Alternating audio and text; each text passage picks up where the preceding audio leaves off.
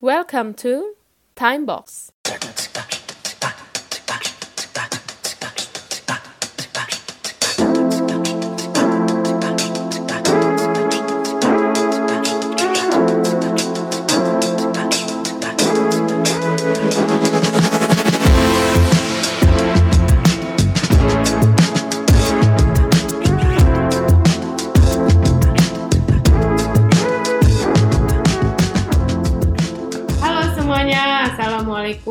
Bertemu lagi dengan kami semua. Cie, kami Dalam semua. acara. Dalam acara eh, Pod- Timebox, iya, podcast podcast Timebox ya. Gak kerasa nih sekarang udah kerasa sih sebenarnya. udah akhir tahun. Kayak cepet banget gitu ya udah, 2019 gitu ya. udah akhir tahun lagi. Oh, udah akhir tahun lagi 2019 sudah mau masuk 2020. Nah, jangan sampai nih tahun yang sudah berlalu ini kita nggak bawa bekal apa-apa, sih. Serius banget ya. Nggak bawa bekal apa-apa untuk tahun depan. Nah, eh, gimana kalau kita nge-reflect atau apa ya istilahnya Bu biasanya lah, retrospektif ya eh, tentang apa yang sudah terjadi dan sudah kita alami di tahun 2019 ini Personal Terus- life ya. Ya. personal life Tapi anti Terus- anti anti anti galau kan. Ya, jadi lebih nge-reflect uh, Pekerjaan. dari pekerjaan sih. Pekerjaan sama impact ke community. Iya, terus eh, jangan cuma meratapi ya, Hmm. tapi juga harus bikin goalnya eh, untuk tahun depan itu apa nih? Jadi pelajaran apa yang bisa kita ambil dari tahun Hmm. ini buat bikin goal yang lebih bagus di tahun depan. Jadi kita masing-masing orang, eh, masing-masing dari kita akan sharing ya pengalaman kita Hmm. selama 2019 gitu ya. Retro masing-masing versi Iya. kita ya. Nggak cuma hal-hal yang uh, kurang baik aja, tapi yang yang bagus-bagus juga harus di sharing karena biasanya nih Hmm. orang-orang kalau retro tuh bayangannya udah yang jelek-jelek aja gitu. Hmm, pengennya curhat aja Iya. gitu ya. Jadi kita kan juga ada yang baik dan yang tidak begitu baiknya Iya. gitu ya. Oke. Oke, eh, di sini kita bakal share di tiga tiga kategori. Yang pertama itu dari eh, impact kita terhadap community, terhadap komunitas. Mm-mm. Terus juga ada learning and knowledge. Oke. Dan satu lagi kita ada emotion and spirituality karena namanya juga eh, ya sebagai Manusia, Scrum Master gitu. tetap manusia gitu. Kita harus harus adalah sisi kemanusiaannya lah ya. Ada lah gitu, berarti nggak banyak ya bu. Oke, Eh, langsung aja ya. Pertama kita dari eh, community nih, dari komunitas. Yang pertama, hmm, kira-kira nih dari Dinar sama Tian sama aku juga sih. Kira-kira di tahun 2019 kemarin apa sih eh, yang yang berjalan baik gitu dari kita sebagai Scrum Master atau sebagai kita kan masuk di komunitas Scrum Master nih Mm-mm. yang udah kita berikan ke eh, komunitas Scrum Master di Indonesia. Kalau dari aku mungkin kalau ngomongin komunitas aku selalu ingat ke ini ya Scrum di Bandung ya. Hmm. Jadi itu kan salah satu bentuk dalam tanda kutip eh, responsibility-nya komunitas terhadap eh, publik lah gitu ya. Hmm. Karena itu non profit apa event kan. Eh ya 2019 ya ini ya. Iya, Iya, 2019. 2019. SDB 2019 tuh bulan apa kemarin ya? Bulan Agustus. Agustus, Agustus 19 kemarin ya. Agustus. 19 Agustus ya itu mungkin salah satu apa namanya salah satu bentuk eh apa ya istilahnya event ya ya event yang bisa aku bilang itu sangat bisa aku banggakan Hmm. sih. Salah satu karena maksudnya aku sebagai salah satu yang eh, panitia organizer yang membuat acara itu itu yang mungkin yang paling riweh gitu ya kalau bahasa Sundanya yang paling deg-degan gitu. Tapi juga ternyata paling eh, impactful juga sih kalau menurut eh, pengamatan aku sih Kalau ada Dinar, Sama ya. sama sih ya kita karena kita kan sama-sama panitia Scrum Day. Iya nih kita bertiga sama-sama panitia Scrum nih dari komunitas yang sama juga. Hmm. eh ya kalau apa hal yang di apa tadi pertanyaannya? hal apa yang apa ya impact apa yang kita berikan Oh, yang impact yang kita positif berikan, ya. gitu Ya itu sih yang paling besar ya tadi benar Scrum Day Bandung itu eh, impact yang sangat besar malah kalau menurut aku ya. Eh, ya dari Scrum Day Bandung. Selebihnya sih kalau dari komunitas kalau aku sendiri di tahun ini ngerasa belum banyak kasih kontribusi selain dari Scrum Day ya. Misalkan eh, dengan aktif eh, diskusi atau eh, bikin meet up malah kayaknya 2019 ini eh, tahun yang paling sepi ya Iya, sepi, Mm, sepi meet, up, gitu. Iya. Dan dari akunya sendiri pun eh, agak kurang inisiatif karena waktu itu kan lagi galau ya sebenarnya aku tuh komunitas Bandung apa Jakarta gitu kan karena Oh, aku iya. baru pindah ke Jakarta pindah, ya. Jadi agak-agak galau tapi itu alasan doang sih sebenarnya tapi ya intinya gitulah.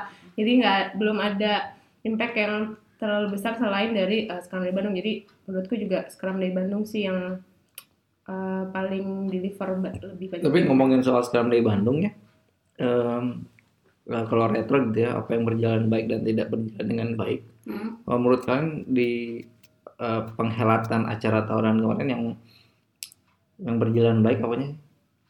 Karena aku kan di hari-harinya Ya. kan nggak datang ya. Hmm. nikah ya eh nikah Lamaran. Gosip, gosip ya please. Kalau dari aku tahun ke, ta- yang tahun 2019 ini eh, itu dibanding tahun-tahun sebelumnya itu jauh ber- lebih baik karena di tahun sekarang kita pakai IO sih. Oke, kita lebih dibantu rapi ya. acaranya. Hmm. Nggak lebih capek juga ya. Mm-mm, nggak lebih capek. ya dari Ya. sisi waktu juga eh, lebih termanage ya Termanage. Dan yang ini yang aku tuh masih nggak habis pikir gitu sampai sekarang pesertanya itu mandiri nggak ada tuh kita ngingetin ayo masuk masuk nggak ada itu Mm-mm. kalau udah habis waktu istirahat Hmm. mereka masuk sendiri tanpa perlu diingetin ini sih yang bikin aku kagum lah sama peserta-peserta Scrum Day Bandung Oke. Kamu benar? Kalau yang tidak berjalan baik menurut kamu apa? di acara Scrum Day Bandung Hmm. Eh ada beberapa masukan sih. Ini ini juga aku dapat masukan dari peserta. Itu ada beberapa materi yang ternyata eh, ekspektasi mereka itu tidak sesuai sama deskripsi yang ditulis gitu. Karena setelah aku review eh, memang di Scrum Day kan eh, apa adaptif adaptif termasuk agak adaptif juga ya. Maksudnya speaker yang masukin judul pertama bisa jadi dia mengubah isinya ya kalau Iya. nggak salah ya kan. Nah ternyata ya itu agak miss sih. Itu miss dari panitia juga eh, apa ternyata ada beberapa materi yang di deskripsinya dan apa yang ditampilkan itu berbeda gitu. Jadi akhirnya eh, peserta tuh kecewa gitu. Hmm. oh gue ekspektasinya gini kok gue nggak dapet. Dan ternyata emang benar emang benar uh, bahwa itu berbeda antara yang dia sebutkan eh yang kita sebutkan di deskripsi sama yang di present gitu mungkin itu ya Mm-mm, Ada itu sih Eh, paling ya selebihnya mah urusan administratif gitu sih Hmm. Iya, itu masih keteteran masih sih ya, keteteran tahun Kalau kita ngomongin meet up nih, 2019 kayaknya berapa? Aku lupa banget. Apa kita pernah Oh, meet up sih 2019? kayaknya enggak deh Oh iya, komunitas Ya, Bandung. sama belum sekali ya eh pernah kayaknya di Enggak. Agatha itu kapan di Agatha di Agatha itu 2018 Oktober 2018 Oh ya berarti tahun ini Hmm, nggak ada kalau yang kalau yang dulu sama Pak Arya, Kang Ican, yang di mana tuh Bandung Hub itu Itu 2019 19 Itu kayak sih, 2019. Ya tapi udah, awal sih 2019 awal kayaknya Iya. Februari ya. Yang Itu doang eh, sih. yang listing Scrum Meet itu ya, ya. busting the Scrum Meet. Iya kayaknya sih itu 2019. Se- se- setelah itu juga nggak ada lagi kita meet up meet up ya. Iya, kita Oh, belum ada sih. Itu yang kurang ber- bukan kurang memang tidak berjalan dengan Tidak baik ya. berjalan dengan baik. Oke. Topik selanjutnya? Oke, topik selanjutnya learning and knowledge. Oke, eh, apa yang dipelajari yang hal baru gitu yang dipelajari tahun ini? Dari aku dulu ya. Iya iya iya. Soalnya- Semangat banget nih. Semangat banget nih. Kayaknya Ada hal banyak apa nih, nih? Banyak nih. Kalau tahun ini banyak banget. Yang pertama tahun ini aku ikut PSM 2. Hmm. Terus eh, tahun ini juga aku banyak belajar tentang sisi lain dari agile gitu. Hmm. Jadi nggak cuma Scrum aja, terus gimana sih cara kita berkolaborasi sama misalnya kalau di beberapa company itu kan ada program manager di situ aku jadi tahu nih program manager tuh ngapain dan kita bisa kolaborasinya tuh kayak gimana. Terus aku juga ba- banyak belajar tentang scaling. Aku belajar tentang save dan aku nggak suka banget Hmm. ya terus eh, belajar tentang eh, les Hmm. terus tentang scrum at scrum eh scrum at scrum of scrum, Scrum of dan Scrum. yang satu lagi scrum at scale Hmm. Oh, kamu belajar tentang itu ya? Eh, mo- mostly tentang scaling ya? Scaling tim tentang ya? scaling walaupun masih dikit-dikit terus di tahun ini juga eh, beberapa bulan ke belakang aku banyak belajar tentang lebih ke psychological sih jadi Hmm. aku belajar Berat ya? tentang berat enggak juga sih Oh, enggak juga ya? Tentang lebih memahami orang tuh kayak gimana gitu jadi aku banyak nonton YouTube-nya Dr. Phil soalnya di situ di Dr. Phil itu banyak Apa sih itu? jadi kalau ada talk show Oh. talk show-nya itu untuk menggali tamu jadi kalau tamunya punya masalah nanti digali nih Ah, Hmm. kira-kira itu di apa. YouTube. Di YouTube Oh. Nah itu banyak eh, gimana sih cara nanya ke orang yang misalnya dia ngerasa dirinya tuh benar padahal kita tahu dia salah. Hmm. Nah gimana cara ngenggalinya? Terus gimana? Aku tuh kan banyak dapat masukan nih. Kalau aku kurang asertif. Nah gimana caranya kita ngomong tuh lebih asertif tapi nggak nyebelin. Nah di situ aku banyak Itu lebih ke apa berarti ya? Soft skill ya? Psikologi psikologi soft skill gitu ya? Mm-mm. Pem- apa pengembangan diri gitu ya? Ya. Gitu. Ah, oke menarik. Ini berarti nanti ajarin aku ya kamu ya. Ya nantilah kita belajar bareng-bareng. Asik. Jawab, jawabannya aman. Jawabannya Aman. aman. aman, aman, aman. Terus kalau yang nggak berjalan dengan baik, baca buku, ya nggak tamat-tamat. Terus online ke Buku apa yang pernah di awal eh dimulai baca? yang eh, buku yang pertama aku mulai baca itu kalau tahun ini ya tahun itu novel. Saya bukannya Mas. Kram.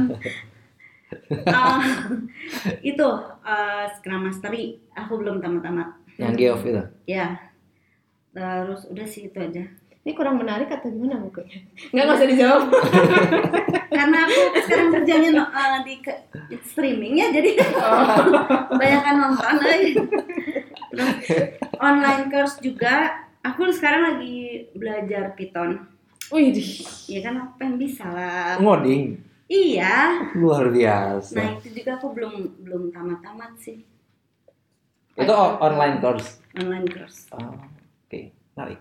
luar biasa. Apa yang bikin ibu pengen kangen ngoding kangen ngoding ya? Sekarang master kangen ngoding gitu kan? Kenapa Python?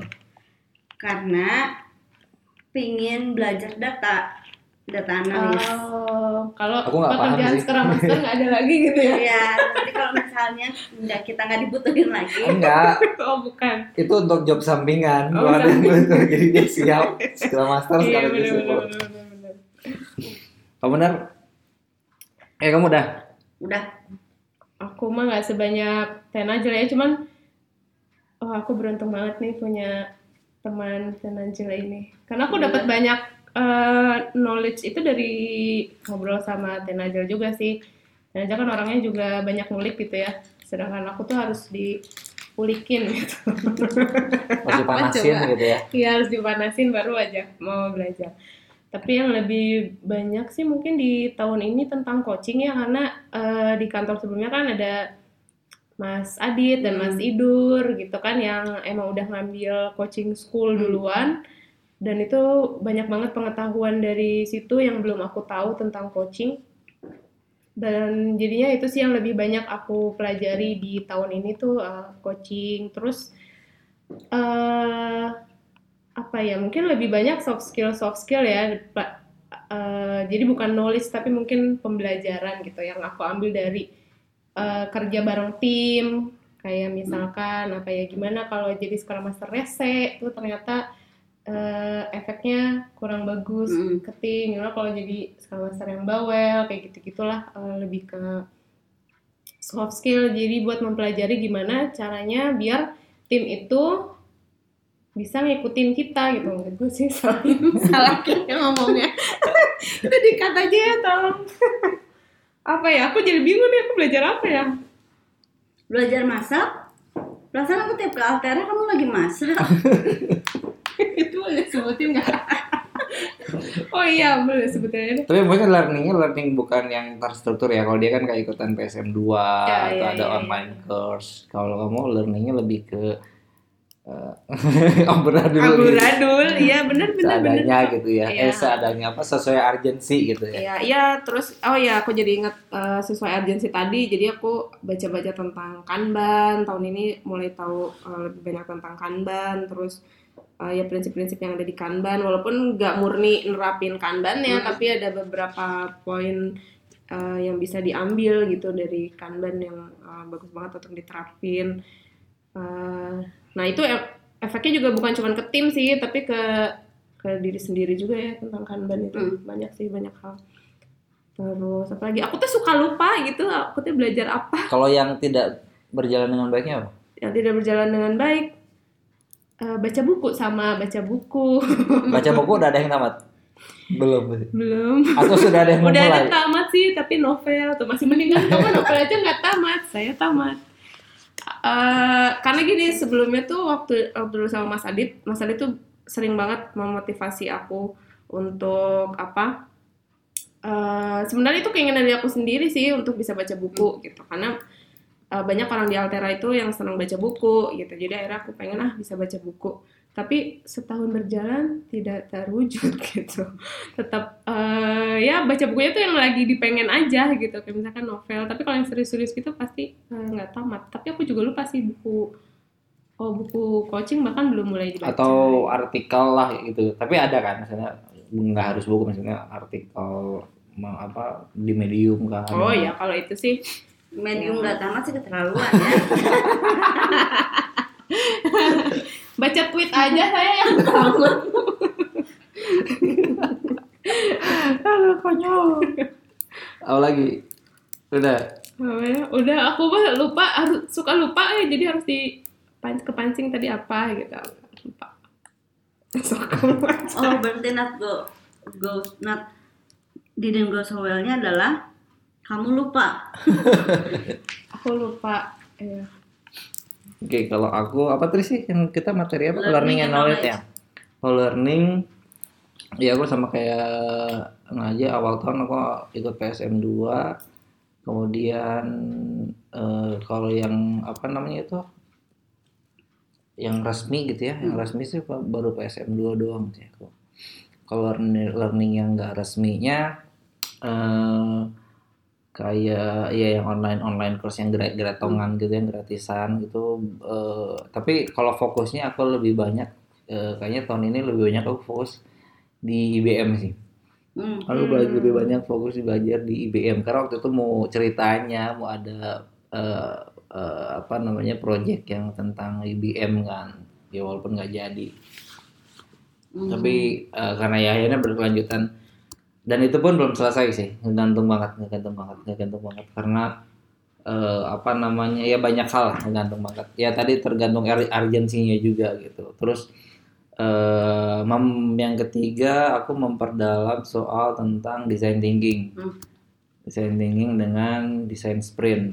Gitu aku perdalam tahun ini eh, karena urgensi juga sih urgensi ada klien yang tadi gitu kan jadi aku Bakat ya, bakat, Bakat kubut. kubut. yo ay bakat tuh kalau knowledge juga ya sama sih knowledge-nya aku eh, apa ya kalau aku sebagai trainer ya gitu eh, yang aku lebih banyak pelajari tahun ini adalah ya ini ini opini pribadi aja Ya. sih jadi dulu waktu ketika aku lihat Joshua eh ketika dia bikin artikel kenapa dia bikin aku dulu nggak paham kenapa cara dia itu bikin artikel tuh yang selalu eh, kontroversial Hmm.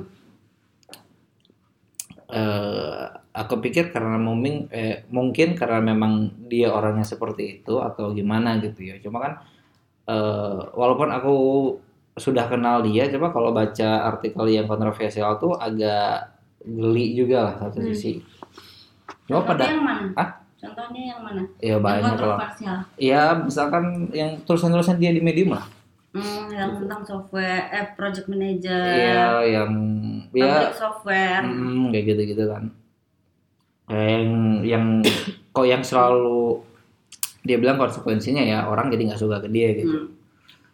Eh, makanya kalau nanya kenapa kalau orang nggak suka ke dia tapi dia tetap melakukan itu? Gitu. Karena kan tujuannya mungkin ada hal yang lain. Cuma pada akhirnya sem- semakin sering aku ketemu klien ngobrol gitu ya pitching gitu ya eh, digali ke- kemauan dia apa terus kebutuhan dia apa gitu dan setiap training itu ya bisa aku bilang ya 9 dari 10 klien itu kecenderungannya memang apa ya opiniku bilang tidak bisa disuapin gitu.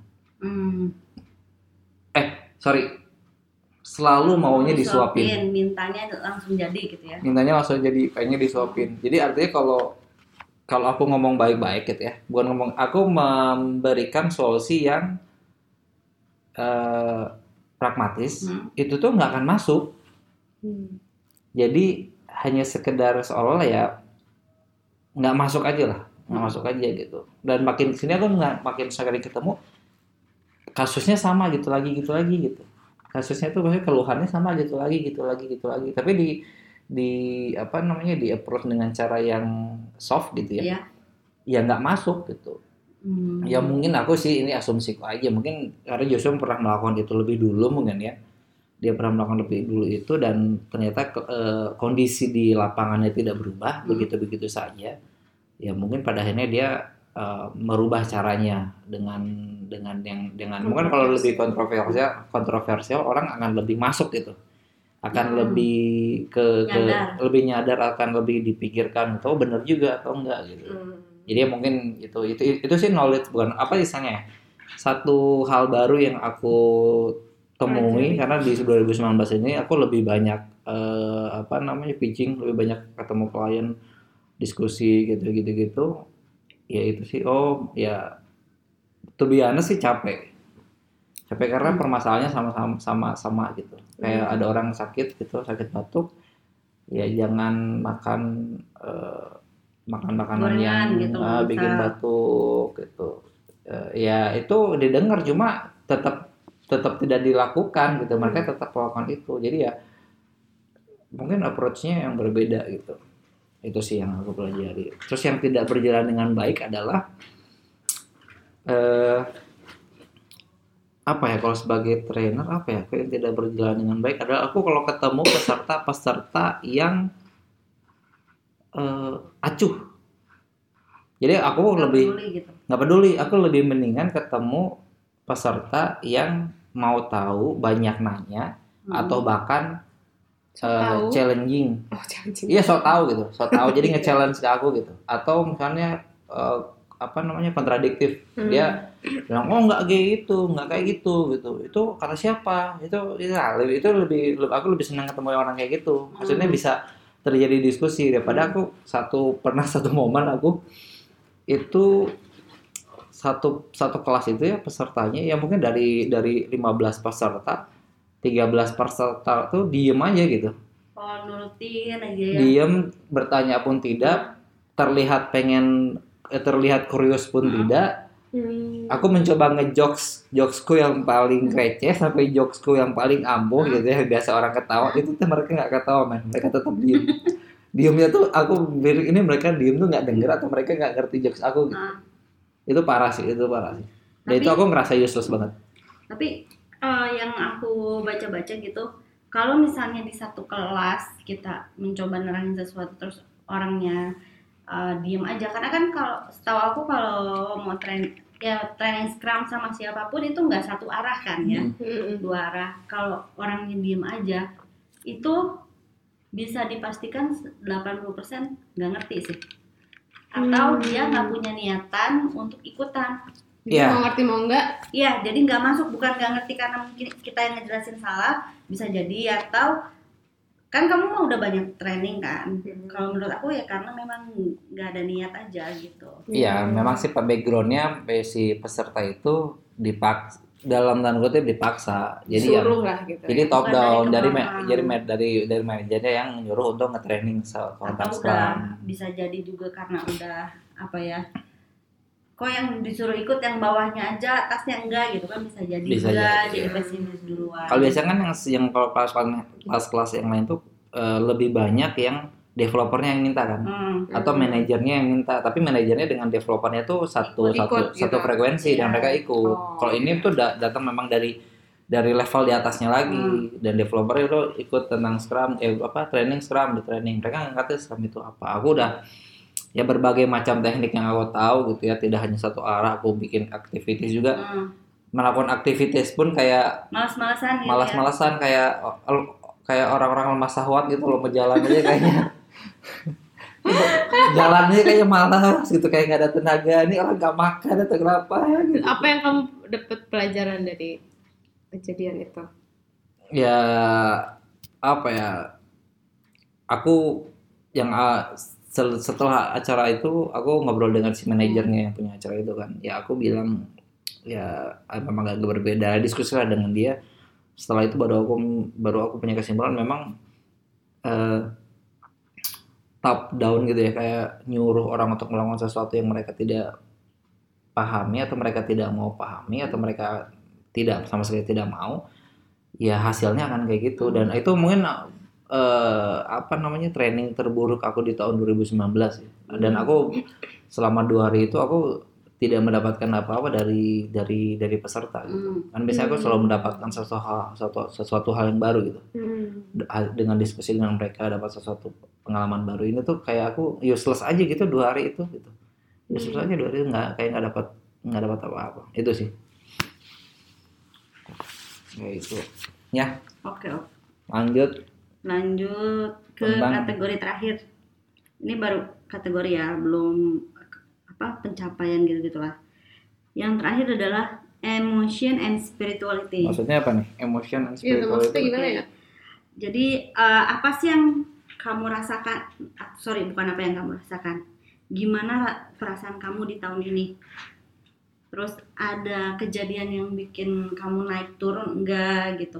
Ada kejadian yang bikin emosi banget enggak tapi ini tentang pekerjaan kan tentang pekerjaan? Kayaknya dari Dengan- dengar yang mengubah. enggak maksudnya ta- takutnya nanti ada Curhat siapa curhat gitu ya, Hmm, gitu kan Percintaan gitu. oh, ah, Eh, aku dulu ya. Kayaknya aku yang Iya. paling bermasalah apa gimana nih? enggak. Kamu kan yang merubah jalan hidup. Eh, iya sih bener sih. Tahun ini tuh eh gimana ya ceritanya dari mana ya? Ya intinya sih dari di pertanyaan tadi bu apa di Perasaan di tahun ini gimana gitu? perasaan di tahun ini luar biasa sih Eh, luar biasa itu karena eh apa ya jadi dari yang tadinya zona nyaman banget Hmm. gitu ya terus eh, di kantor yang sebelumnya gitu Hmm. aku pindah ke satu perusahaan dan bener-bener title-nya tuh Scrum Master Hmm. yang belum tahu Scrum Master tuh eh, pada kerjanya ngapain sih gitu kan Hmm. maksudnya realnya tuh belum tahu kan kalau kayak eh, apa developer yang ngoding gitu Iya. kan nah Scrum Master tuh ngapain sih gitu dengan pengetahuan yang masih sangat terbatas terus eh, aku masuk ke sebuah company dan ternyata eh, aku nggak tahu sih ini terjadi di semua company atau enggak tapi posisi Scrum Master itu benar-benar sangat diharapkan gitu. Hmm. Eh, diharapkan bisa membawa eh, perusahaan itu menjadi lebih baik ada pastinya ya. lah ya. Mm-mm, ada impact yang dikasih lah gitu ke Hmm. company gitu. Dan ternyata kalau buat aku sih itu sangat sangat sangat berat gitu.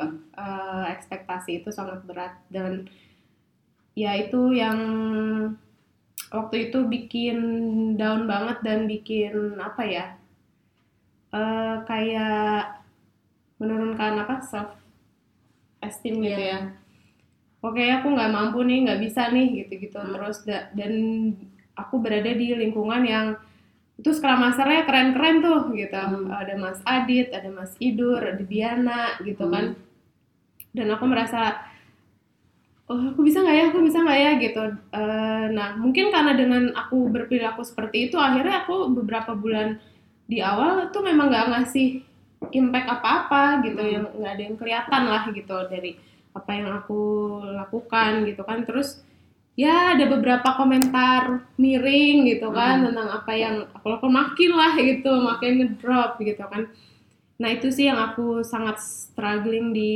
eh, apa di tahun ini karena ya tadi mungkin itu sebenarnya mungkin jadi pikiran aku sendiri juga gitu. Belum tentu orang-orang di company tersebut eh, melakukan apa berpikir hal yang sesuai yang kamu takutkan, takutkan gitu kan. Mungkin aja sebenarnya nggak kayak gitu. Tapi ya tadi itu mem- membentuk pola pikir aku dan akhirnya itu bikin down banget. Sampai eh, aku dua kali apa tiga kali empat kali ya lupa berapa sesi coaching sama Mas Adit dan Mas Idur ya gantian lah. Itu sampai dua sesi itu aku eh, nangis Hmm. gitu ya karena ya tadi curhat nih sebenarnya apa sih yang aku rasakan dan apa yang harus aku lakukan gitu. Mungkin dari situ ya dapat pencerahan dapat bisa sedikit sedikit lah eh, apa mulai bangkit lah Hmm. maksudnya bangkit tuh ya udahlah aku kerjain aja apa yang terbaik yang bisa aku lakukan gitu kan nah terus didukung juga sama teman-teman Scrum Master yang ada di eh, Altera Hmm. untuk bisa belajar belajar lebih banyak gitu ya itu sih yang akhirnya bikin eh, apa mulai ada percaya diri lagi mulai bisa fokus untuk eh, kasih impact di Altera. Ya kayak gitu sih. Itu emosi kamu? Ya itu. Selama 2019 sebagai Scrum Master? Ya betul sekali. Kan cerita kamu kan sekarang sudah tidak menjabat lagi gitu ya. Kamu udah Iya. keluar. Tapi kamu eh, ya ini mungkin apa intermezzo aja. Kamu masih punya pemikiran bahwa eh, aku masih pengen melanjutkan sebagai Scrum Master gitu. Maksudnya mungkin 2020 kamu akan mencari pekerjaan baru yang yang title-nya Scrum Master juga gitu atau kayak gimana? Eh, nah itu sih jadi emang sekarang kan aku udah eh, resign ya Hmm. dari dari Altera terus belum cari pekerjaan lagi emang pengen istirahat istirahatnya itu ya Emang habis lari ya bu? ya Ini capek loh jadi. capek gitu ya ya sebenarnya bukan dari pekerjaan aja sih kan yang curhatnya pekerjaan ya Oh, kan oke, oke, ya oke. Yang itu ya ada nggak beberapa dibahas. hal lah gitu yang membuat jadi agak berat gitu kan nah akhirnya saya butuh kayak eh, break dulu beberapa bulan ini untuk kayak tadi mikirin lagi sih apa eh, sebenarnya eh, saya eh saya kayak agak kaku ya aku bakal terus di pekerjaan Scrum Master ini atau enggak kayak gitu-gitu juga sebenarnya akhirnya aku apa ya aku pikirkan lagi juga sih gitu apa eh, apa yang benar-benar yang ini yang pengen aku capai gitu kenapa sih kamu sih Enggak, kayaknya berat banget gitu ya. iya gimana tuh jangan Eh, belum nyari jodoh loh. Ini malah pekerjaan tapi ya. ya kan salah satunya siap. salah satunya yang aku pikirin ya kayak gitu sih tapi kalau misalkan mau ditanya masih pengen apa enggak sebenarnya masih pengen masih pengen gitu tapi Maksudnya masih masih pengen mengguliti di bidang eh, apa Scrum, Agile gitu-gitu kan. Ada coaching apa gitu-gitu kan. Ini langsung Atau misal ini yang nggak yang nggak tahu? Iya. ya mikir enggak enggak, aku Atau cuma penasaran. menikmati kehidupan penas- kamu saat ini. Si- siapa tahu besok kamu berubah gitu jadi Iya. supir Grab kan kita nggak tahu kamu punya cita-cita ke mana gitu penasaran aja Ya, kalau aku pikirin sih sebenarnya karena tadi juga kan pas yang learning and knowledge itu lebih banyak belajar coaching Hmm. dan aku ngerasa kayaknya coaching ini lebih sesuai gitu dengan eh, apa maksud ya? hati. Dengan maksud hati gitu Iya. kan. Ya gitu. Jadi mungkin di ke depannya ini baru mungkin juga sih. Ya mungkin aku akan lebih mendalami coaching. Jadinya bukan coaching di eh, di dalam lingkupnya Scrum Master Hmm. tapi professional coaching. coach gitu ya atau life coach Oh, gitu. oke. yang memang fokusnya tuh coaching. Oke. Gitu. kamu men cek Aku emosi dan nggak tahu ya apa ya emosi ya. Oh, eh, emosi pak di tahun ini ya.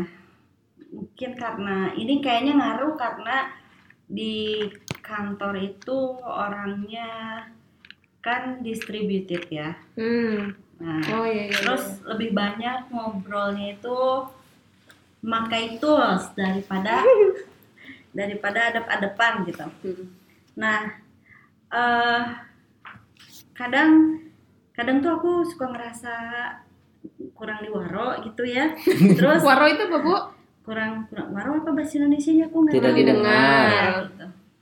Nah, udah gitu eh terus ide itu kayak kayak kurang di kurang apa ya? Kurang dianggap gitu. Hmm. Nah, itu sih emosinya. Jadi aku pernah sempat kepikiran apa nggak dibutuhin gitu ya di di situ. Nah, itu aku sempat down sih Hmm. sekitar ya sebulan dua bulan sampai akhirnya aku nemuin oh ini bukan nggak didengar tapi emang di jam-jam tertentu kalau kamu chatting atau di orang tersebut lagi ada di negara lain Hmm. bukan di negara tempat dia tinggal itu pasti lupa gitu dia nggak akan nggak akan Hmm. begitu merhatiin nah terus eh, aku sempat ngeberaniin diri De- itu juga dipaksa sama kalian sih udah cobain aja ngomong aja terus gitu kan Hmm.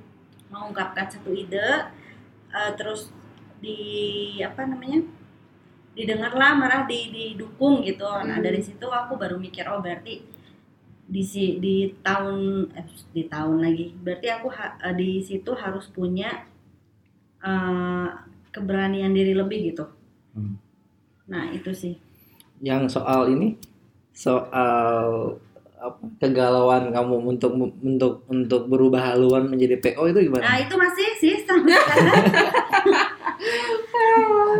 masih sih aku masih mikir aku pengen balik lagi aja Apa Kak. sih yang bikin bikin bisa berperasaan kayak gitu? kangen ini kan Peker- kangen pekerjaan-pekerjaan yang teknis gitu ya? iya iya iya. Kayak kayak, kayak di kayak di WGS dulu gitu ya? iya iya. Karena kayak gitu sampai kemarin juga kayak eh, jadi aku ada satu project baru. Nah terus projectnya itu dokumentasinya tuh nyebar ke mana-mana sampai ada satu orang bisa nggak sih pindahin ke satu space aja gitu? Aku tuh cuma bikin daftar isi gitu seneng banget. Gitu sih. Kayaknya kayaknya sih oh, nanti aku pengen belajar PO juga Mungkin akan mulai belajar PO. Hmm. gitu udah Jadi, Kalau Tian nih? Aku apa ya? Aku, eh, tahun ini kalau sebagai konsultan tuh seneng ya. Hmm. Seneng karena mulai banyak klien ya. Kliennya makin banyak cuy. Artinya gini, eh, aku ngomong senang kliennya ba- banyak bukan hanya dari sisi finansial tapi Hmm. lebih banyak orang yang mulai mulai eh, at least curious lah. Hmm.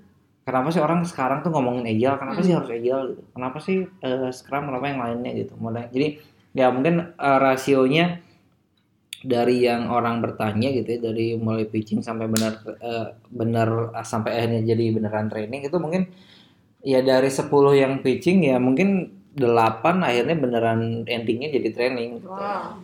karena ya itu be- tidak hanya perusahaan IT gitu. maksudnya bukan perusahaan perusahaan-perusahaan IT yang buat aplikasi Hmm. gitu ada perusahaan-perusahaan yang non IT Non yang IT. walaupun di dalamnya kan ada IT-nya ya Iya. tapi mereka juga pengen paham kenapa sih harus agile kenapa sih eh harus Scrum itu apa sih gitu Hmm. ya itu aku senang senangnya senangnya ya eh di Indonesia udah mulai tidak sekedar hype gitu Hmm. ya kalau hype itu orang eh, ikut-ikutan aja ikut-ikutan lah. aja gitu tapi ini beneran orang pengen pengen mempelajari Hmm. pengen tahu gitu. Ya aku sih melihatnya set- ya kalau aku kalau ngobrol dengan dengan Jos dengan Pak Ivan tuh ya kita nggak tahu. Mungkin 10 tahun lagi Agile udah nggak hype lagi gitu. Mungkin Hmm. udah ada hal yang baru lagi gitu. Ya eh, arti artinya ya eh, senangnya adalah Indonesia eh, akan tetap mem- melalui transisi itu gitu Hmm. nggak langsung tiba-tiba loncat nanti eh, apa ke hal yang baru gitu Baru. tapi melalui transisi ini gitu dan aku juga senang kayak eh, apa eh, ya dari se- apa ya aku, aku bilang kalau aku mengklaim diriku sebagai praktisi gitu ya aku senang juga kayak melihat Indonesia ini sekarang ya misalnya kemarin eh, presiden udah ngomongin tentang agility terus eh, ngambilin menteri-menteri yang dari muda-muda gitu. Ya maksudnya aku pikir harus eh ya sih asumsiku adalah eh, terutama kayak Nadim gitu ya orang yang paham tentang tentang dunia bisnis yang dalam konotasi dalam definisi dunia yang sekarang gitu. Bukannya sekedar menjalankan bisnis tapi dunia sekarang yang agile yang cepat berubah Iya. gitu ya. Artinya aku melihat ada suatu harapan bahwa eh, mungkin dari sisi pemerintahan pun akan banyak melakukan ya terutama dari dari dari pemikiran-pemikiran orang muda itu akan banyak eh, melakukan perubahan-perubahan yang tujuannya adalah mendukung agility itu. Sih ya kalau dari sebagai ya aku bilang kalau tadi mengklaim diri sebagai praktisi aku senang itu terjadi sih sekarang. Hmm, jadi emotionnya yang diaduk-aduk tuh lebih ke excitement. Iya betul. gitu Aku ya. lebih ke excitement 2020 akan kira-kira akan ada apa ya? Aku sih sangat berharap tiba-tiba nanti 2020 tuh kayak misalkan eh, kayak lembaga-lembaga kayak BPK atau KPK gitu melakukan audit sudah tidak berdasarkan lagi output gitu kan. Hmm. outcome. Terus di- di- dihitung sebagai outcome-nya, terus bikin bikin bikin apa bikin sesuatu software nggak yang kayak dulu pernah presiden bilang bikin dua minggu jadi nah ya. Nah, jadi lebih teredukasi bahwa bikin maksudnya negara yang sekarang, negara yang berkembang itu memang sudah mau tidak mau IT adalah bagian di dalamnya dan mempekerjakan IT eh, di domain IT itu pekerja-pekerjanya tidak bisa disamakan dengan pekerja-pekerja eh, di bidang apa ya maksudnya kayak bisa bikin jembatan, bikin Ya, tol, konstruksi. konstruksi. Konstruksi. Jadi lebih mungkin lebih bisa dianggap bidang IT ini sama pentingnya dengan mungkin bidang Hmm. kesehatan, profesi-profesi dokter, pengacara, kayak gitu-gitu. Mungkin itu yang pengen disampaikan ke Bapak Presiden ya dari Iya sampai aku lebay ya, Tian aku lebay orang ya. Jadi itu kan cer- ceritanya ada di grup kan, lagi Iya. diskusi di grup di Telegram Jakarta atau di mana gitu lupa kan. Terus lagi oh, baca aja dongong, terus kepikiran kan. Ya lebay sih lebay, tapi ya at least I try lah. Coba satu tembakan siapa tahu kena gitu Iya, kan. kena, ya kan. Nembak Ya, dalam keadaan gelap. Dicoba lah, Iya. Iya. sampai didengar. Kalau enggak belum? Kalau belum didengar terus aja ngomong.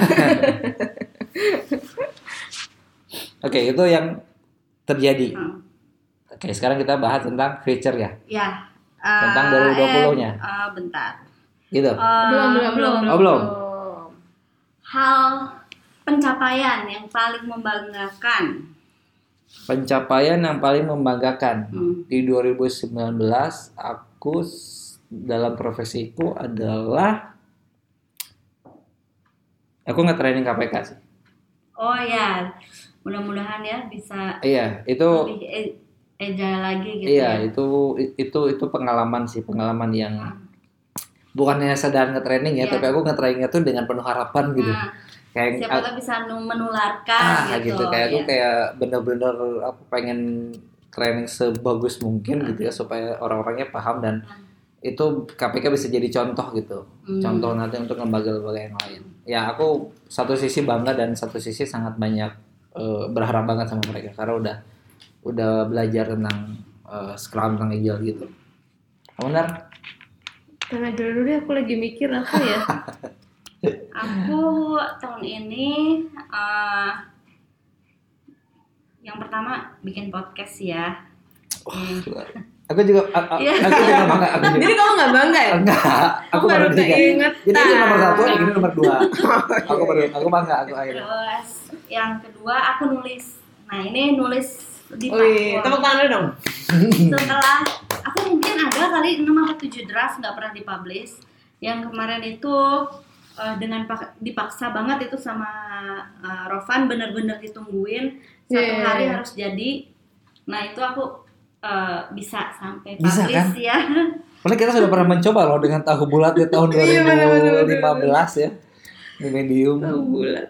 gitu terus oh satu lagi akhirnya aku lulus PSM 1 setelah bertahun-tahun waktu dulu pertama kali training aku sempat ngambil langsung ambil nggak lulus kan dulu mah cuma satu kali coba ya Hmm, terus kemarin setelah bertahun-tahun aku beraniin coba lagi luar dan biasa. alhamdulillah lulus nilainya juga bisa lah buat PST Udah kepikiran kan? Aduh, apa ya?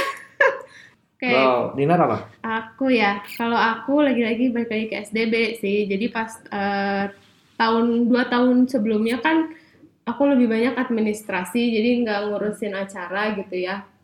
Maksudnya nggak ngurusin acara tuh pas hari H tuh Hmm.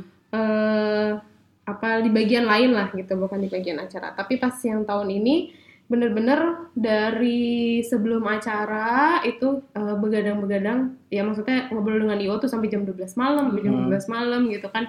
Terus pas eh, apa acaranya sendiri itu eh, aku lebih banyak eh, run through si acaranya benar-benar dari awal sampai akhir dan banyak koordinasi sama IO-nya Hmm. itu eh, lebih banyak dengan aku gitu ya. Jadi, kamu yang pegang acara dari awal sampai akhir di waktu hari itu ya? Iya lah Iya. kurang lebih kayak gitu dan dapat uh, apresiasi juga dari IO-nya gitu. Maksudnya ini ini apa acara yang paling menurut dia gampang banget dijalanin karena uh, panitianya itu udah jelas uh, apa apa intinya si acaranya tuh udah jelas gitu uh, Kerjaannya, kerjaannya apa? ini gitu apa. Heeh, udah jelas semuanya jadi acaranya juga bisa uh, jalannya dengan lancar gitu. Dan kamu beneran eh, bangga ya saat itu ya? Uh, Dan- bukan banget ya apa ya lebih kepuas gitu Ka- ya, puas Iya gitu. kan, karena sebelumnya kamu tidak memikirkan, eh kamu berpikir bahwa kamu tidak bisa melakukan itu kan, tapi kenyataannya pada saat dicoba kamu bisa gitu kan. Iya, karena itu kan acara gede banget ya. Ah,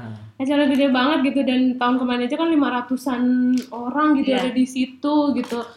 Nah, ini juga ya sebenarnya bukan acara ini ja- berjalan dengan baik bukan cuma karena aku bisa menjalan eh bukan karena aku menjalankan kan. hmm. Ya tapi aku gue apa run terus si acaranya dan melihat acara itu berjalan dengan cukup rapih gitu ya.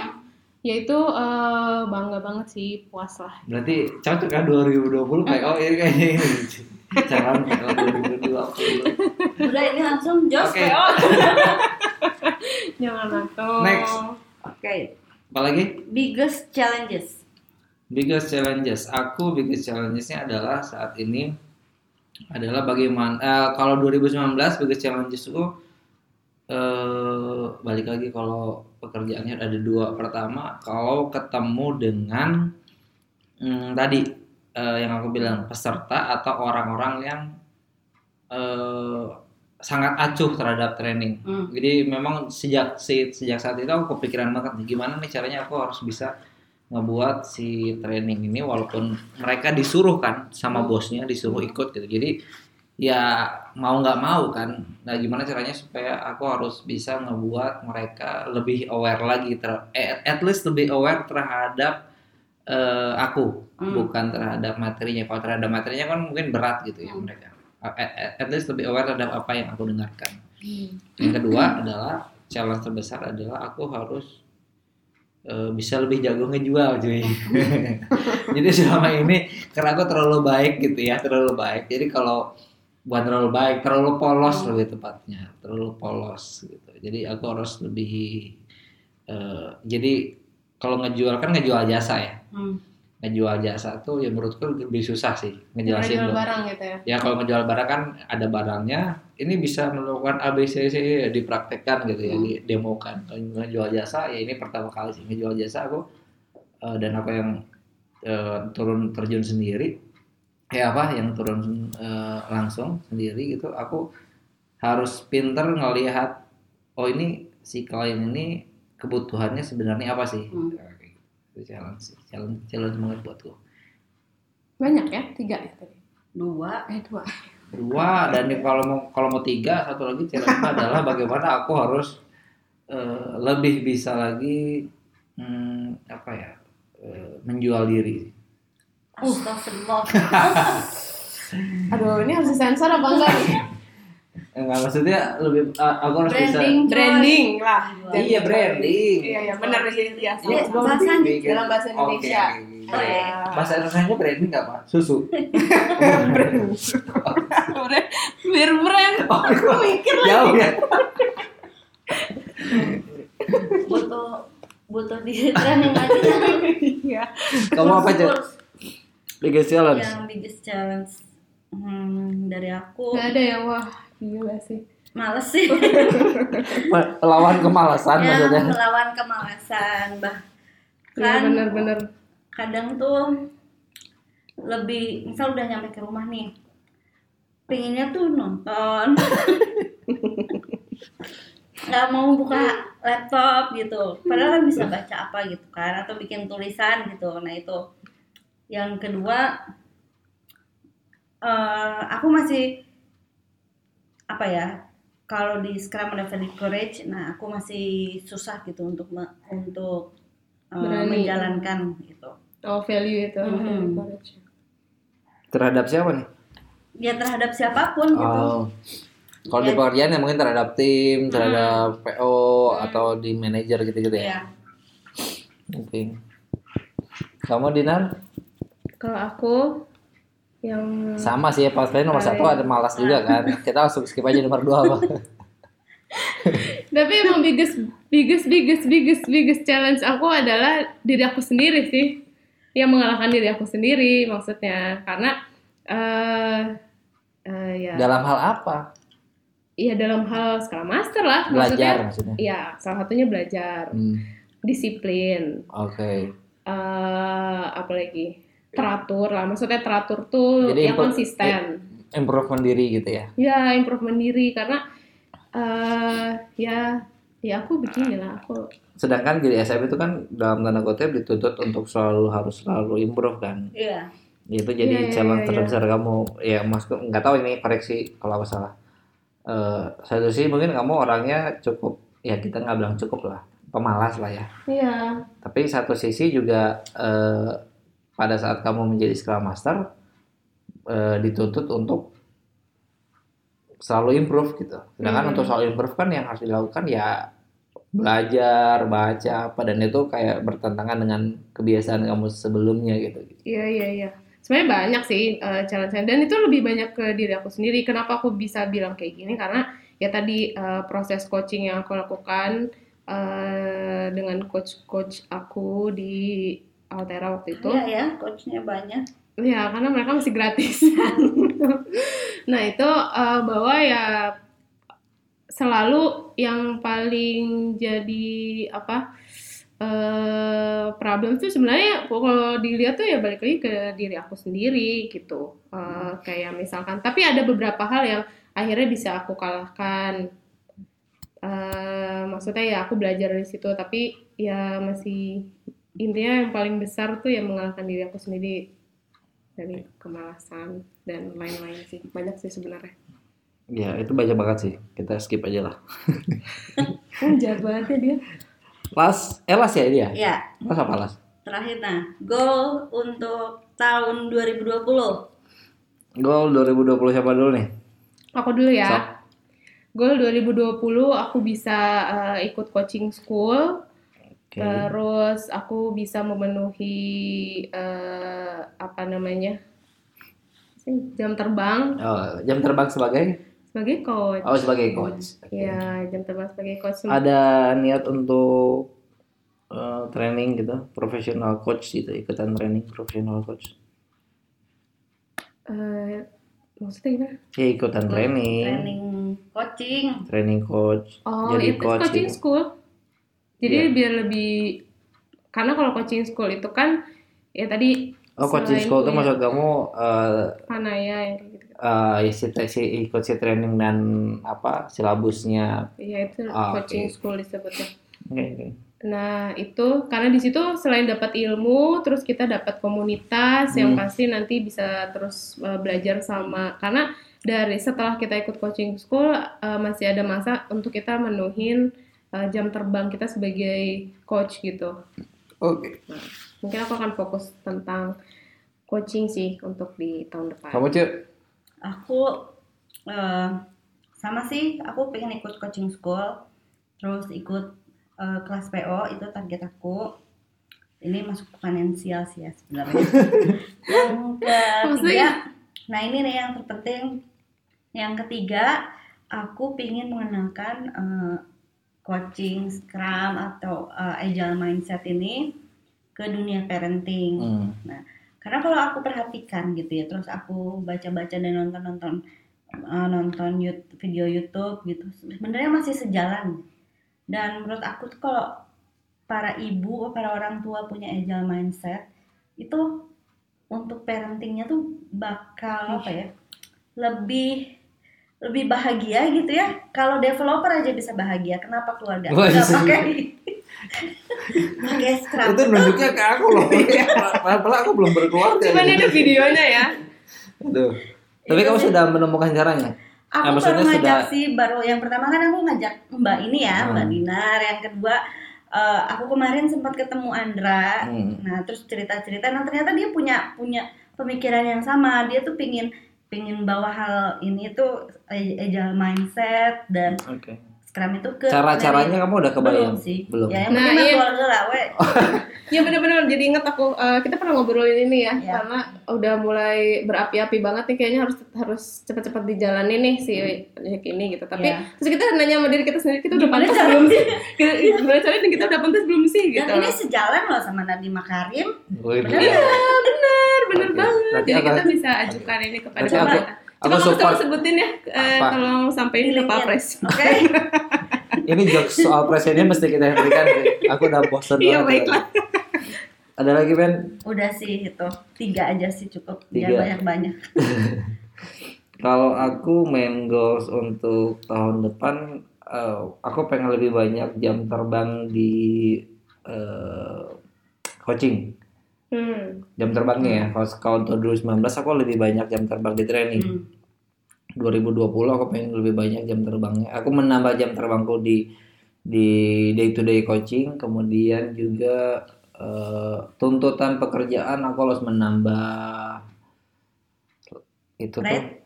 sertifikasi. iya supaya rate-nya naik gitu kan sertifikasinya masih banyak dulu. Jangan sebutin dulu dong. Ya itu tuntutan sih tuntutan tuntutan sebagai konsultan harus lebih banyak apa sertifikasi yang diakui. Eh apa aja sih yang dipengen kira-kira sertifikasi apa next? Iya Yang kalau terdekat untuk yang terdekat mungkin aku soal kanban ya Hmm. kanban gitu kanban karena eh ya beberapa klienku itu pengen ada yang spe- spesifik eh, pengen belajar agile tapi karena mereka bukan bikin software kan.